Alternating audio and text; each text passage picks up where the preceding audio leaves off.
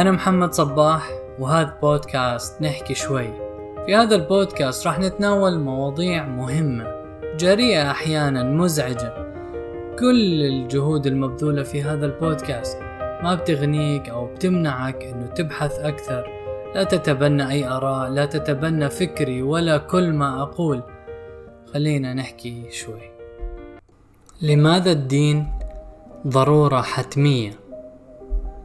تمحورت كثير من كتابات دكتور هيوستن سميث اللاهوتي الأمريكي وأستاذ الفلسفة وعلم الأديان في عدة جامعات أمريكية حول الأزمة الروحية الحاضرة لإنسان عصر الحداثة وما بعدها وقدم في كتب متعددة دراسات نقدية وفلسفية واجتماعية وتاريخية تشرح ملامح تلك الأزمة وما أنتجته من تصور مادي للعالم. يقلص وجود الإنسان ويحرمه من كل أبعاده الروحية وما يتبع ذلك من اختناق روحي وفقدان للأمل وسيطرة للمادية والفردية والاستهلاكية. والأنظمة القانونية المتنكرة للقيم الدينية والسياسات الحكومية المجردة من المبادئ الأخلاقية مشبها ذلك بنفق مظلم حبس فيه إنسان الحداثة الفاقد للإيمان. يقصد في المراجعة الآتية التعرض لأحد أهم كتبه لماذا الدين ضرورة حتمية؟ باحثين عن أهم الأفكار التي نطقت بها كتاباته المدافعة عن الدين في وجه انبعاثات الإلحاد وامتداداته. هذا المقال من مدونة السبيل للكاتبة نور يوسف. من هو دكتور هيوستن سميث؟ أستاذ الفلسفة وعلم الأديان في عدة جامعات أمريكية وصاحب مؤلف أديان العالم. أحد أكثر الكتب مبيعا ورواجا في الولايات المتحدة وعدة دول أخرى. وقد دافع في كتاباته ومحاضراته عن ضرورة وجود الدين في حياة البشرية مؤكدا أنه الطريق الحتمي لمواجهة طغيان المادة وانحطاط الأخلاق. وركز في كتابه هذا على بيان روح وحكمة أديان العالم وفلسفتها وجوهرها المشترك ومخاطر عصر العلم والحداثة في ابتعاده عن الإيمان وخوائه الروحي الذي أغرق الغرب في نفق المادية المظلم وسجن الفردانية والأنانية التعيس كما يلخص ذلك مترجم الكتاب. عرب المؤلف عن رفضه الشديد لفكرة انحصار النجاة بالديانة المسيحية التي تتردد كثيرا في أوساط البروتستانتية معتبرا إياه جهلا ذريعا بحقيقة ما يتضمنه معنى الدين الحقيقي من عمق روحي أصيل. فقد أكسبت دراسة الكاتب للأديان الوضعية والسماوية آفاقا متعددا في فهم دور الدين وضرورته في مواجهة التيارات المادية في الحضارة المعاصرة. من أهم أفكار الكتاب. ينطلق الكتاب من مقولة عالم الأحياء البريطاني جوليان هوكسلي حوالي منتصف القرن الماضي أنه عما عما قريب سيصبح من المستحيل لأي رجل أو امرأة ذكي ومتعلم أن يعتقد بوجود الله كما هو من المستحيل اليوم. الاعتقاد بأن الأرض مسطحة ومن ثم يبدأ بتفكيك هذه المقولة. ويؤكد في سياقاته المختلفة قضية لماذا الدين ضرورة حتمية. يشير الكاتب لأن الفكر المادي لا يتجاوز النظر فيما هو مادي محسوس إلى ما هو معنوي مجرد وأنه يشبه إلى حد بعيد قدرات العقل في مراحل الإنسان الأولي حيث يسهل عليه استيعاب المفاهيم المادية ويصعب عليه إدراك المجرد والمعنوي إضافة إلى أن مقولة جوليان تتضمن الأفكار الثلاثة التي تقلقه حسب تحليل مؤلف الكتاب وهي نقد نظرية النظرية الداروينية والاستدلال على أن الكون تم تصميمه بدقة عظيمة غير متناهية والقبول بإمكانية أن يتدخل الله في التاريخ. في معرض حديثه عن نظرية داروين يقول الدكتور هوستن سميث في الواقع هناك نقاش مشتعل بشراسة بين العلماء أنفسهم حول نظرية داروين وتغذي ذلك النقاش تعليقات مثل فريد هويل المشهور اليوم الذي يقول إن فرصة الاصطفاء الطبيعي لإنتاج إنزيم واحد تماثل فرصة أن يؤدي إعصار يهب على فناء صناعة إلى إنتاج طائرة بوينغ 747 فنراه وغيره من العلماء متراصين في دعم الداروينية عندما يظهر الدين في الصورة.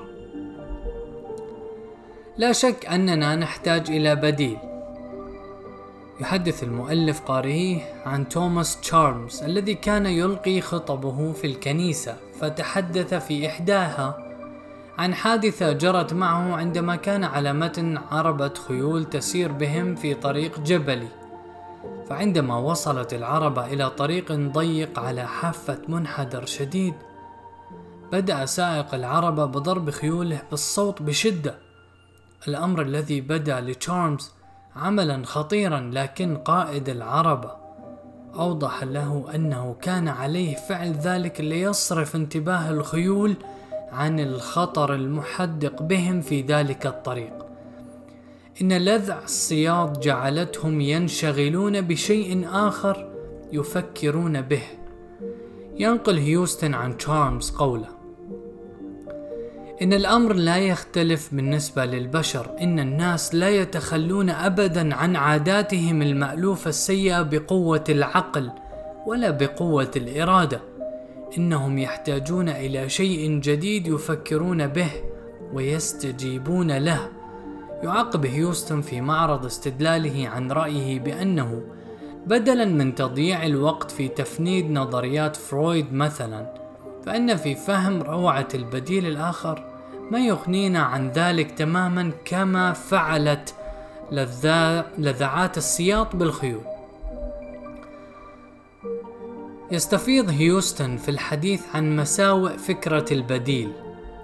إذا كان أسوأ من المستعاض عنه فإذا سعى شخص ما إلى صنع مصيدة للفئران أفضل من المصائد المتوفرة حاليا فإن هدفه مفهوم ومحترم ولا نملك إلا أن نرجو له التوفيق.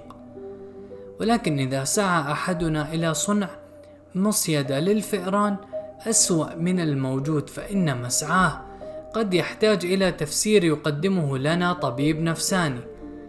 إذا نقلنا هذه الاستعارة إلى ساحة الإيمان بالغيبيات فإن المعنى هو التالي سواء كان التصور التقليدي للعالم حقا أم باطلا فإنه تصور واضح وقابل للفهم على نحو شفاف. أما التصور العلمي للعالم فإنه ليس كذلك لأنه طالما أقصى العلة الأولى والنهائية من حسابه مطلقا فإنه يضعنا أمام طريق مسدود بشأن أسئلة ليس لديها أي إجابة عنها وهنا يقصد العلم. ويعلق المترجم على هذا الكلام شارحا لدينا تصور قديم للعالم يعطينا إجابة عن كل شيء. سواء آمن به العلميون أم لم يؤمنوا. لا يحق لهم أن يطالبون باستبداله إلا إذا كانوا بصدد إعطائنا تصور أفضل منه. لا يخفى أن هدف الكتاب الرئيسي هو تبيين قصور التفسير المادي العلمي للعالم. واقتناع صاحبه أن التفسير التقليدي وهنا يقصد الديني للعالم هو التفسير الأصح فقد سعى الكاتب لحشد البراهين والنماذج الشاهدة على صحة ما ذهب إليه. فقد شبه النظرية العلمية المادية للعالم بهذه الصورة في الحكاية الآتية.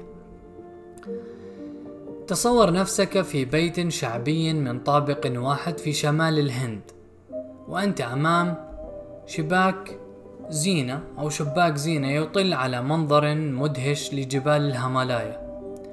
إن ما فعلته الحداثة في الواقع مشابه تماما لكونك تقوم بإسدال ستارة أمام تلك النافذة حتى مقدار بوصتين فقط فوق عتبتها وأرضيتها. عندما أميلت أعيننا نحو أسفل نحو الأسفل أصبح كل ما يمكننا أن نراه الآن من الفضاء الخارجي هو الأرض التي بني عليها البيت. في تشبيهنا هنا تمثل الأرض العالم المادي ولكي نعطي الأمور حقها. عندما تستحق ذلك بجدارة نقول إن العلم قد أظهر لنا العالم رائعا جدا بشكل لا يصدق. ولكن مع ذلك فإن هذا العالم الذي يظهر لنا ليس جبل إيفرست. في موضع آخر ينقل حكاية عن دليل الحائر للكاتب سكيوماخر. تحدث فيه عن تيهه وضلاله الطريق بينما كان يشاهد معالم مدينة موسكو في العهد الستاليني وبينما كان يبحث مرتبكا محتارا في خريطته اقترب منه مرشد سياحي وأشار بإصبعه على الخريطة ليبين له المكان الذي كانا يقفان فيه فاعترض سكيوماخر قائلا ولكن أين تلك الكنائس الكبيرة التي نراها حولنا؟ أجابه المرشد السياحي بكل جفاف إنها ليست مبينة على هذه الخريطة. نحن لا نظهر مواضع الكنائس على خرائطنا ولكن هذا غير صحيح. إن الكنيسة الموجودة هناك في زاوية الشارع نجدها مشارا إليها في الخريطة. أصر سكيوماخر معترضا أجابه المرشد السياحي أوه هذه كانت كنيسة فيما سبق أما الآن فهي متحف. ويواصل سكيوماخر قائلا حالتنا تشابه هذه القصة تماما. إن أغلب الأشياء التي اعتقد بها معظم البشرية لا تظهر على خريطة الحقيقة التي حصلت عليها من تعليمي في جامعة أوكسفورد أو لو ظهر شيء من تلك العقائد على الخريطة فإنه يظهر كإشارات إلى متاحف أو إلى أشياء اعتقد بها الجنس البشري في عهد طفولته ثم عندما بلغت البشرية سن الرشد لم يعد الناس يؤمنون بها صاروا ينظرون إليها كآثار الأسلاف كما ينظرون لآثار القدماء في المتاحف. إن الغرض من هذه الحكاية ومن الصورة التي سبقتها أن نستحضر في أذهاننا حقيقة أن العلم في عملية إمطارنا بالمنافع المادية والمعرفة الهائلة بالكون المادي الطبيعي محى وأزال الأمور الفائقة على المادة من خريطتنا للحقيقة. أي عندما ينكر العلماء الماديون المقتنعون بالمادية وجود أي شيء سوى الأشياء التي يمكنهم أن يشغلوا أدواتهم العلمية عليها يجب أن يوضحوا أنهم إنما يعبرون في هذا الأمر عن آرائهم الشخصية كأي شخص آخر ولا يدعون حجية العلم في رأيهم ومن جهة أخرى. يجب على المتدينون ألا يتدخلوا في العلم طالما كان علما أصيلا لم ينمق ويزخرف بالآراء الفلسفية التي هي من حق كل شخص. في خاتمة كتاب Why Religion Matters لماذا الدين ضرورة حتمية؟ توجه دكتور سميث بانتقادات على شكل نداء للعلميين. الذين يعتبرهم مجرد قلة قليلة ذكرهم في ذلك بعظماء بينهم. أفضل منهم يحترمون الدين ويولونه أهمية. فعليهم إذ أن يحترموا الدين كما يحترم المهتمون بالدين العلم موجها خطابه لهم. هذه القراءة الخاطئة للعلم هي المسؤول الأول والرئيس عن إدخالنا في النفق. أي نفق المادية المظلم لأنها تقلل من شأن الفن والدين والحب ومعظم الحياة التي نعيشها على نحو مباشر. عندما تنكر قدرة تلك العناصر على أن تعطينا أية بصائر نحتاج إليها لإكمال ما يمدنا به العلم. هذا الموقف يشبه أن نقول إن أهم ما في الإنسان هيكله العظمي كما يظهر على لوحة الأشعة السينية.